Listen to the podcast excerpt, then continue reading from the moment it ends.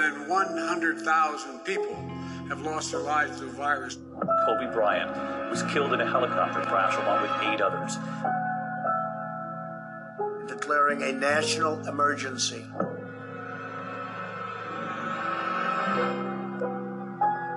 He will not have died in vain. Riots do not develop out of thin. I hear them say my last name.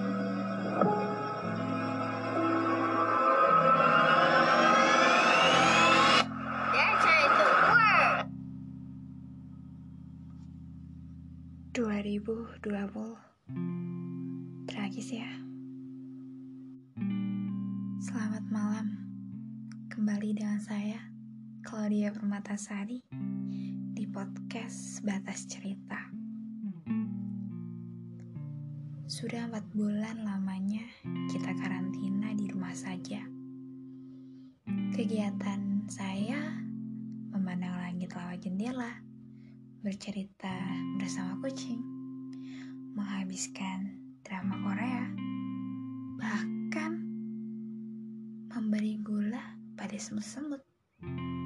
Kalau kamu bagaimana? Sedih juga ya, kita masih terpenjara dengan virus corona ini.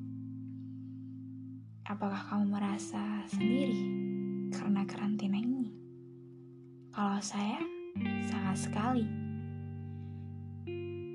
Saya dikenal sebagai orang yang tidak bisa diam, tapi kali ini saya sangat mendarah daging dengan kata introvert. Saya juga rindu dengan teman-teman saya.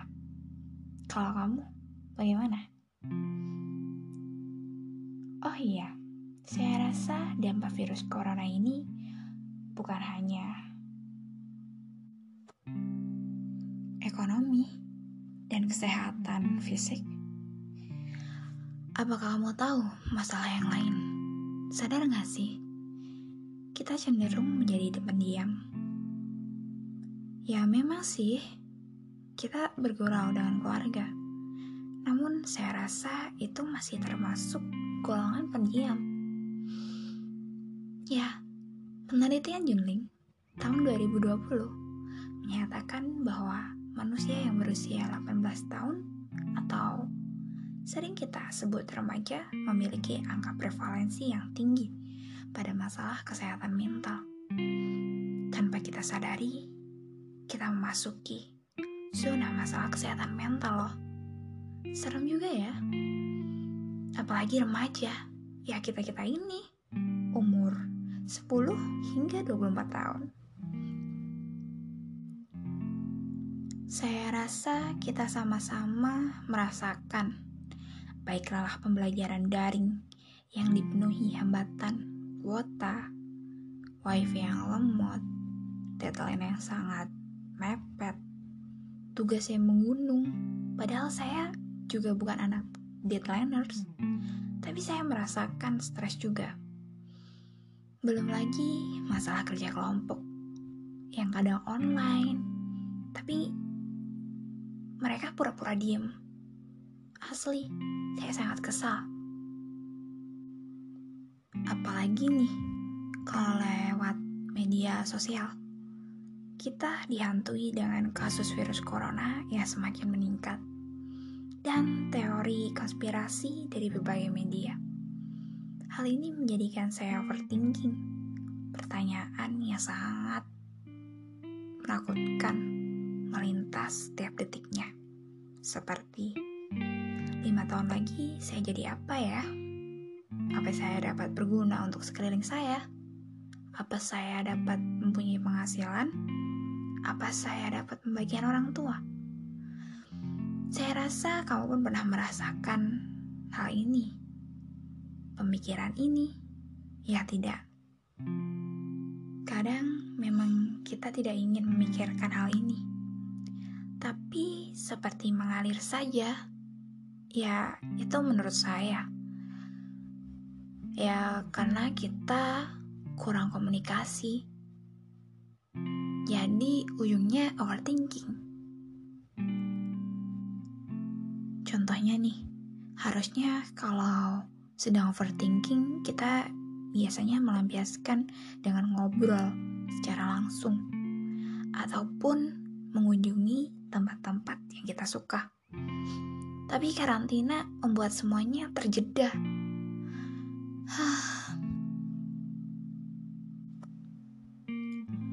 Nggak apa-apa kok, nggak apa-apa. Kamu gak sendiri. Banyak kok yang sama. Jangan sedih ya. Ada aku ataupun orang yang di luar sana.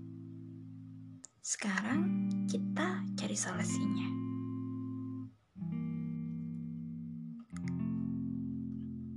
Kesehatan mental terjadi karena faktor stres, depresi, dan cemas. Tahu gak sih? Ternyata dukungan dapat menurunkan masalah ini loh.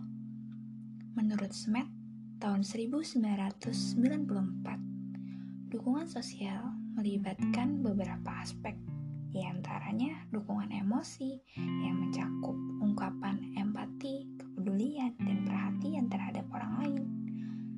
Sedangkan sumber dukungan sosial menurut Sarah Vino tahun 2006 dapat berasal dari orang tua, teman, pacar, maupun organisasi atau komunitas.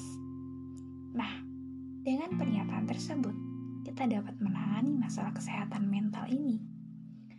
Dengan menghimbau atau mengerahkan komunitas untuk saling bekerja sama dan memberikan dukungan sosial kepada remaja selama menghadapi masa pandemi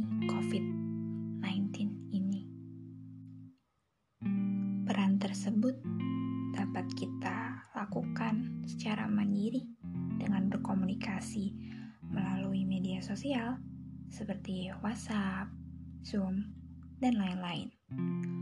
Komunikasi melalui media daring menjadikan remaja dapat merasa memiliki teman senasib, teman untuk berbagi minat yang sama, hingga mampu menghasilkan kegiatan kreatif yang menguatkan satu sama lain, sehingga memperoleh rasa nyaman menghadapi masa pandemi ini.